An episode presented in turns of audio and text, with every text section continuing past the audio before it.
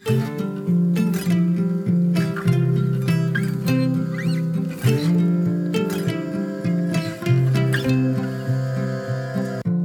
och välkommen till For Health med Anna Sparre. Idag fortsätter vi på temat cancer och kastar oss på de konkreta råden kring hur du botar eller förebygger cancer.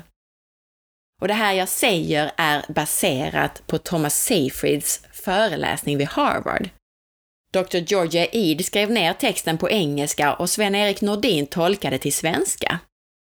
Jag gjorde en sammanfattning av det här på bloggen och det är utifrån det som jag pratar om i de här avsnitten. Missa nu inte 92, alltså det förra avsnittet, där jag förklarar logiken bakom det här. Men om du inte alls vill höra på det, utan bara på de här konkreta råden, så räcker det att lyssna på det här avsnittet. Och glöm nu inte att tipsa dina vänner och din familj om du gillar podden. Dela gärna länken på Facebook och kom ihåg att ju fler lyssnare vi blir, desto bättre blir avsnitten. Så glöm inte heller att titta in i din podcastapp eller i iTunes och lämna ett betyg eller en recension.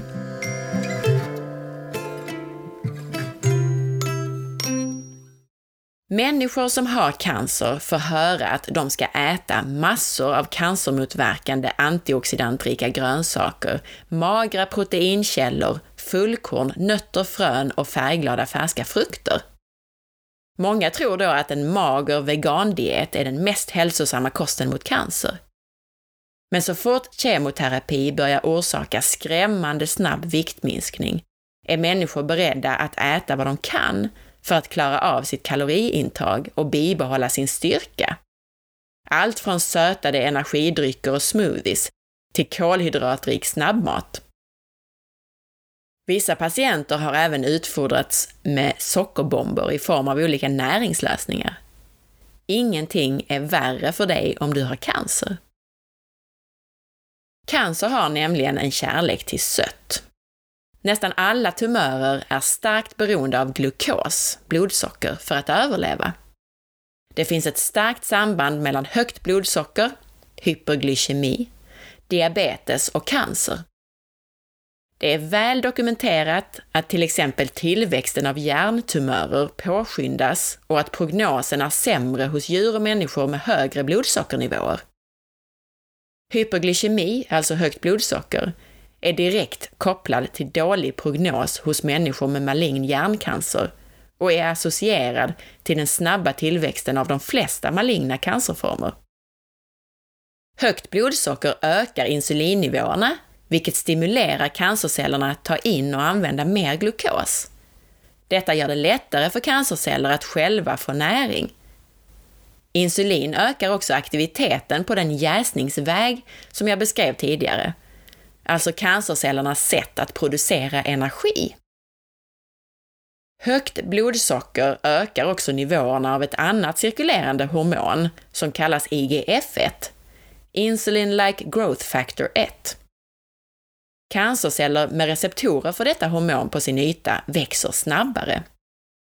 IGF-1 startar en kemisk väg som driver tumörcelltillväxt. Det skapar förutsättningar för cellerna att föröka sig, undvika celldöd, apoptos, och rekrytera sin egen blodförsörjning. För att göra saken värre så aktiveras generna för denna tillväxt också av själva jäsningsprocessen. Mer glukos innebär alltså mer jäsning och mer insulin och mer IGF-1, vilket innebär mer tumörtillväxt. Kort sagt är cancer en sjukdom av tillväxt och insulin är mor till alla tillväxthormoner. Oavsett vilken typ av cancer du har, vilken klass eller vilket stadium det kan vara, eller vilka mutationer, genetiska markörer den kan ha, så är ett kännetecken för alla cancerceller skadade mitokondrier. Enligt Dr. Seyfried är cancer inte en samling orelaterade sjukdomar som var och en måste behandlas individuellt.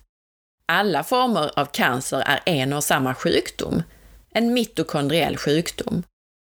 Och sjuka mitokondrier föredrar glukos och glutamin som bränsle. Det här är cancerns akilleshäl. Friska celler med friska mitokondrier är flexibla och kan anpassa sig till nästan vilken bränslekälla som helst, men inte cancerceller. Faktum är att majoriteten av celler i vår kropp fungerar bäst när de bränner fett för att få energi. Cancerceller är dåliga på att bränna fett eftersom fettförbränning kräver cellandning, vilket kräver friska mitokondrier. Om maten är begränsad nog för att sänka blodsockernivån så kommer insulin och IGF-1-nivåerna också att vara lägre, vilket tystar ner de tumördrivande gener och vägar som beskrivits. Detta innebär att jäsningen minskar. Det blir svårare för tumörer att rekrytera nya blodkärl och tumörtillväxten bromsas. Under låga blodsockerförhållanden kommer insulinets motsatta hormon, glukagon, att hoppa in. Glukagon stimulerar fettförbränningen, vilket ger ketoner och fettsyror i blodet. Ketoner och fettsyror är bara nedbrytningsprodukter av fetter. Ketonkroppar och fettsyror kan inte jäsas, därför kan cancerceller inte använda dem som bränsle. Lyssna även på avsnitt 12 av podden om ketoner om du vill lära dig mer om just det här med ketos och ketoner och fettförbränning. Glukosbegränsning, alltså begränsning av kolhydrater, stör cancerceller. De flesta friska celler föredrar att använda fettsyror och ketoner som energi och glukosbegränsning är bra för friska celler. Glukagon hindrar också blodsockret från att falla för lågt genom att slå på en process i levern som kallas för glukoneogenes, nybildning av glukos. Det är därför det inte är nödvändigt att äta några kolhydrater, för vi kan alltid göra den mängd glukos vi behöver av proteiner och fetter. Hjärnan kan inte bränna fettsyror, men den kan bränna ketoner. Och under låga glukosförhållanden skiftar hjärnan gradvis från att bränna främst glukos till att bränna mestadels ketoner. Hjärnan kan fortfarande kräva en liten andel glukos för att fungera på bästa sätt. Men det finns alltid tillräckligt med glukos i blodet på grund av glukagon och glukoneogenes. Cancerceller och friska celler har båda en molekyl på sina ytor som kallas GLUT1. Denna glukostransportör ser till att få glukos ur blodet och in i cellerna. Intressant nog så kommer friska celler under låga glukosförhållanden att skapa fler av de här transportörerna och visa dem på deras ytor för att optimera deras för förmåga att få tag i glukos. Friska celler blir alltså bättre på att ta in glukos ju mindre glukos det finns tillgängligt. Ännu mer fascinerande är att cancerceller som är skadade och som därför är mindre flexibla och anpassningsbara inte kan göra det här. De kan inte öka sina sådana här glukostransportörer. Faktum är att när glukosnivåerna är låga så är cancerceller ännu svagare än vanligt. Det är inte bara så att de inte kan höja sina GLUT1-nivåer, deras GLUT1-nivåer sjunker faktiskt. Detta är ytterligare ett sätt på vilket glukosbegränsning försvagar cancercellerna. Även om det alltid finns en viss glukosmängd i blodet på grund av glukoneogenes, så har cancerceller svårare att få tillgång till det än friska celler, därför att de är skadade. När ketoner bränns som energi istället för glukos genereras färre reaktiva syreföreningar, ROS, alltså sådana här fria radikaler. Dessa fria radikaler orsakar oxidativ skada, en typ av skada som har förknippats med många kroniska sjukdomar. Detta att ändra kroppen från att vara en kolhydratbrännande maskin till att bli en fettförbrännande. Lyssna förresten även på avsnitt 34 av podden om fettdrift och sockerdrift. Det här att skifta från kolhydratförbränning till fettförbränning innebär minskad oxidativ skada och minskar därmed risken för kroniska sjukdomar. En anledning till att en ketogen kost övervägs för behandling av många neurologiska sjukdomar är att övergången från glukosförbränning till ketonförbränning är starkt antiinflammatorisk. I själva verket, säger Dr. Seyfried, är det inflammation som skadar mitokondrier och andning i första hand och att därmed inflammation kan vara den verkliga orsaken till cancer. Matbegränsning reducerar förekomsten av både ärftliga och förvärvade cancerformer i laboratoriedjur. De flesta cancerceller växer bäst när de har tillgång till en kombination av glukos och aminosyran glutamin. Det finns dock vissa typer av cancerceller som klarar sig fint utan glukos som näringskälla eftersom de är särskilt bra på att bränna glutamin. Dr. Seyfried hävdar att detta är anledningen till att både glukos från kostens kolhydrater och glutamin från protein måste begränsas för att på bästa sätt motverka cancerceller. Dr. Seyfried rekommenderar en ketogen kost bestående av 80% fett och resten, alltså 20% protein och kolhydrater tillsammans. Denna kost tvingar dina celler att bränna fett för att få energi. Den innehåller tillräckligt med protein för att dina celler ska fungera, men inte mer. Överskott av protein innebär överskott av aminosyror och glutamin är en aminosyra.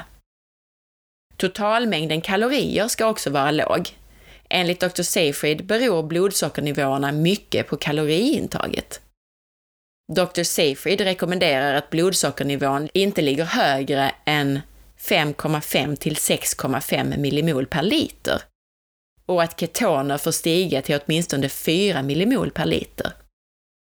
När man äter en vanlig kost inom citationstecken så tenderar ofta blodsockernivåerna att hamna kring 8 eller 9 och ketoner är vanligtvis så låga som 0,3 millimol per liter eller lägre. Det snabbaste sättet att komma till de önskade värdena är genom att fasta i 3-5 dagar. Alternativet till den här fasta introduktionen är att begränsa kolhydrater till mindre än 12 gram per dag och begränsa protein till max 0,8 till 1,2 gram per kilo kroppsvikt per dag. Och han säger då minst 0,4 till 0,6 gram per kilo kroppsvikt. Dr. Seyfried rekommenderar också att du kompletterar din kost med multivitamin, kalcium, omega-3 och D-vitamin. Om din cancer skulle behöva kirurgisk operation rekommenderar han att vänta tills du har varit på ketogen kost i minst ett par veckor innan du genomgår operationen, om du har råd att vänta. Detta beror på att kosten kan minska blodkärlens massa, inflammation och tumörstorlek, vilket gör det lättare för kirurgen att avlägsna tumören på ett renare sätt. Dr. Seyfried påpekar att kraftig motion kan höja blodsockernivån och därför så råder han patienter att gå, inte springa. Ansträngande muskelaktivitet släpper mjölksyra i blodet, vilket kan omvandlas till glukos i levern och släppas ut i blodomloppet. Konventionella behandlingar kan hjälpa till på kort sikt, men kan orsaka problem på längre sikt.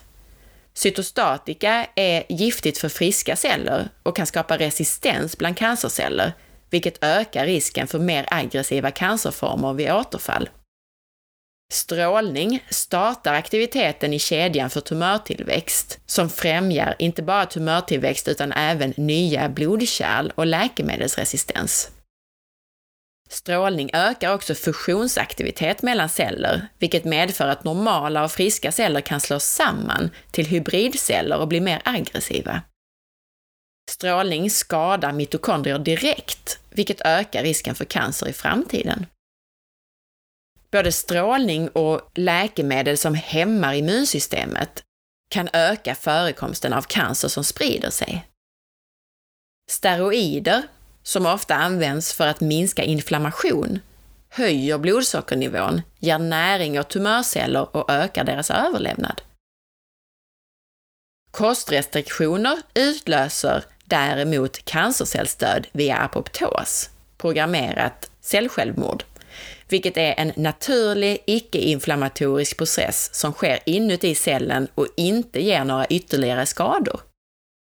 Konventionella behandlingar dödar cancerceller via nekros, en inflammatorisk process som sker från utsidan och är lokalt destruktiv. Tumörceller som matas med glukos eller glutamin är resistenta mot apoptos, men under ketogena förhållanden blir de bättre på att genomgå apoptos igen. Dr. Seyfried undrar om en del av fördelarna vissa människor får av kemoterapi kan bero på den faktiska kaloriminskning som uppstår på grund av aptitlöshet. Han konstaterar att läkemedelsstudier vanligtvis inte tar denna möjlighet i beaktande. Dr. Seyfried anser inte att enbart kostrestriktioner är tillräckliga för att bekämpa de flesta cancerformer, så han föreslår ytterligare några strategier som kan användas i kombination med koståtgärder för att optimera resultaten. Till exempel antiglykolytiska läkemedel, som minskar aktiviteten hos glykolysen, jäsningen, som är den primära vägen att få energi för de flesta cancerceller. Antiglykolytiska läkemedel tillsammans med energibegränsande dieter kan fungera som en kraftfull dubbel metabolisk knock för att snabbt döda glykolysberoende tumörceller. Vi vet alla människor som har genomgått framgångsrika standardbehandlingar och som inte har haft ett återfall av cancer. Om du har turen att ha en enkel form av cancer i en kroppsdel som kan tas bort helt och du tar hand om den innan den sprider sig, är din prognos förmodligen ganska bra. Cellgifter och strålning kan döda många cancerceller eftersom de här är mer sårbara för sådana medel än friska celler. Och om du har ett tillräckligt bra immunförsvar så kan din egen kropp sedan ta hand om resten. Vissa människor får därefter aldrig cancer igen. Fallstudier av kostbehandlingar tog också den, eh, Thomas Seyfried upp i det här. Och jag skriver mer om det på forhealth.se i den här serien av inlägg som du hittar via taggen cancer. Jag kommer inte att ta upp fallstudierna här, men läs gärna där om, och om dem om du är nyfiken. Hur förebygger man då bäst cancer i första hand?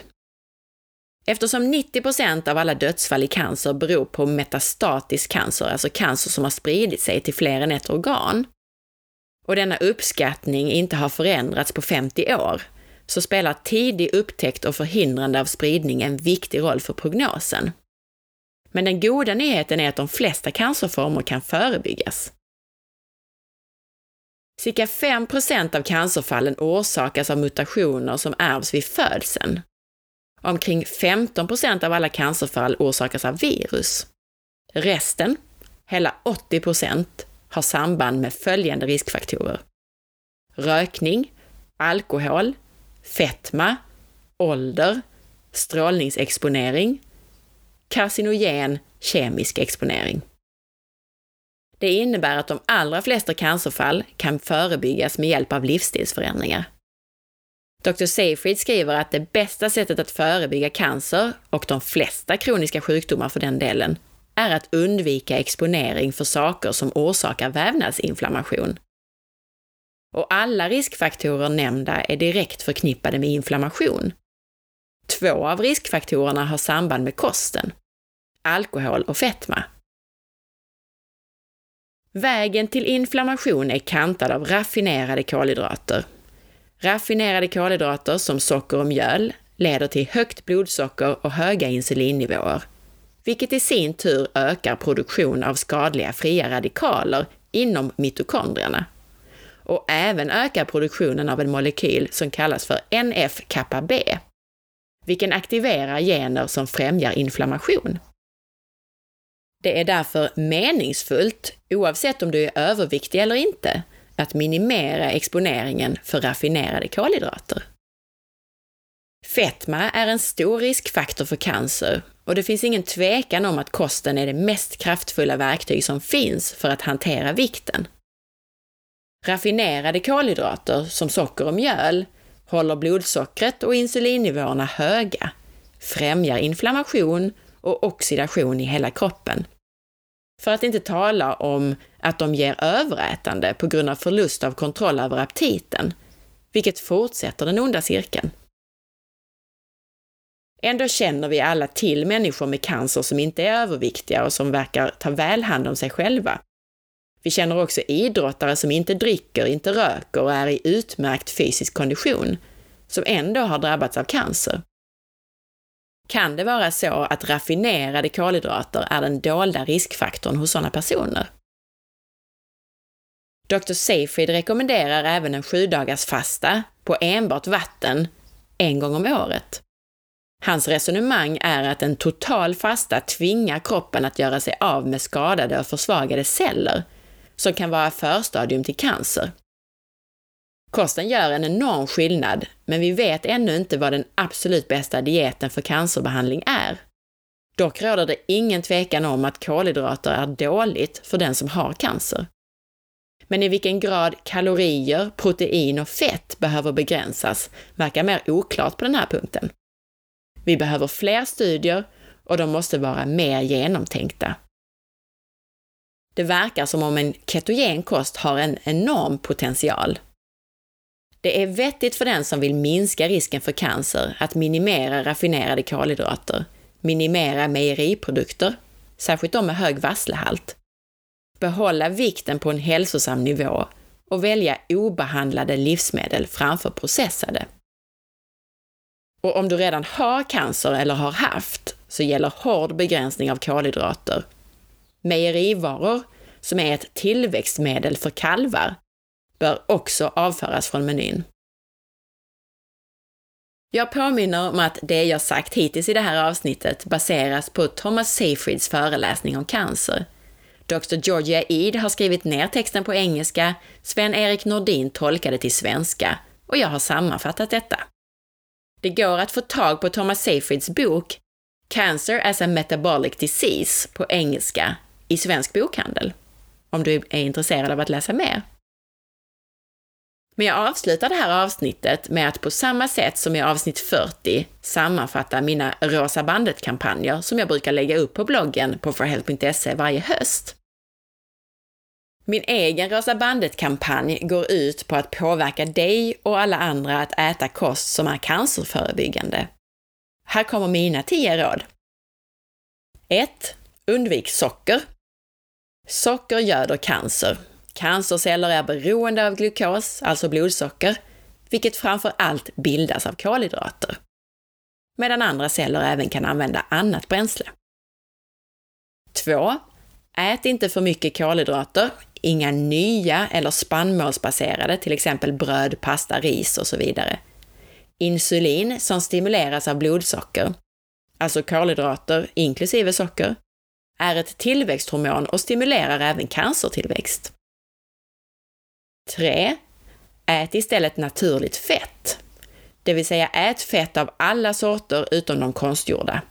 Studier har visat att en kost med mycket kolhydrater och lite fett ökar risken för cancer, medan ett minskat kolhydratintag minskar tillväxten av tumörer och även uppkomsten av dem.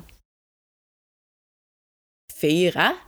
Undvik konstgjorda fetter. Onaturliga fetter kan ställa till problem i kroppen eftersom de inte passar in i det komplicerade pussel som din kropp faktiskt lägger varje dag. Transfetter och härdade fetter bildas när man gör billiga oljor hållbara. Studier från 2008 har påvisat samband mellan halten transfett i blodet och ökad risk för bröstcancer hos kvinnor och prostatacancer hos män.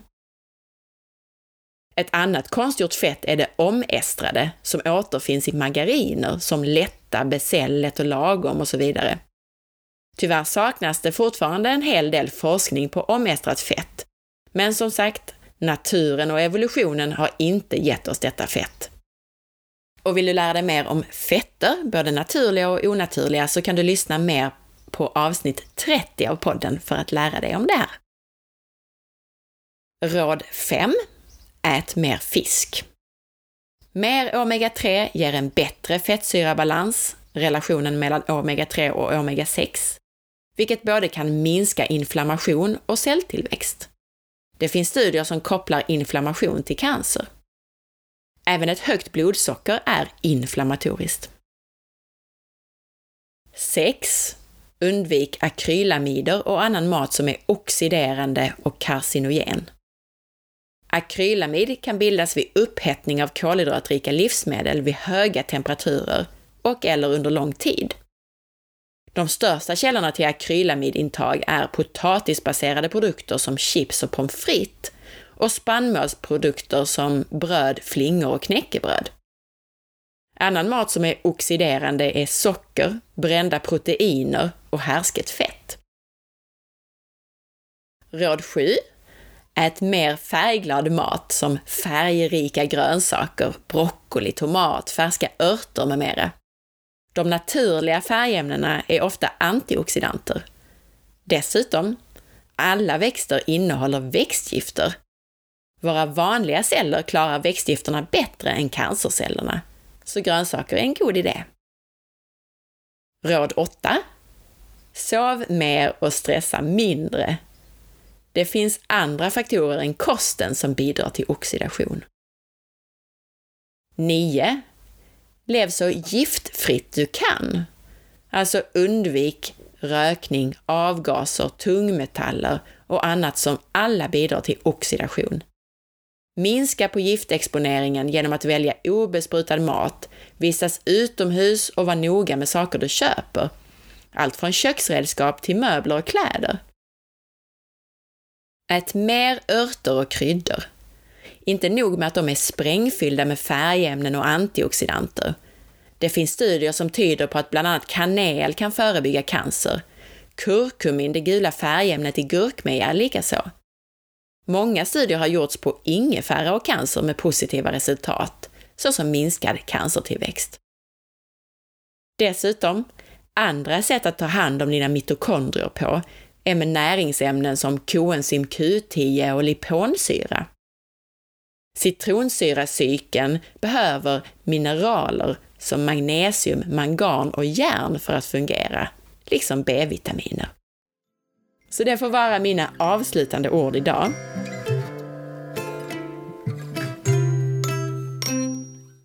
Tack för att du lyssnade och missa inte att följa med på Facebook på facebook.com forhealth.se och på Instagram via signaturen asparre. Gå gärna in på iTunes och lämna betyg och recension. Och titta in på bloggen på forhealth.se om du vill önska intervjupersoner eller ställa frågor som du vill att jag eller en intervjuperson besvarar i podden. Ha en riktigt fin dag. Ta hand om dig. Hejdå!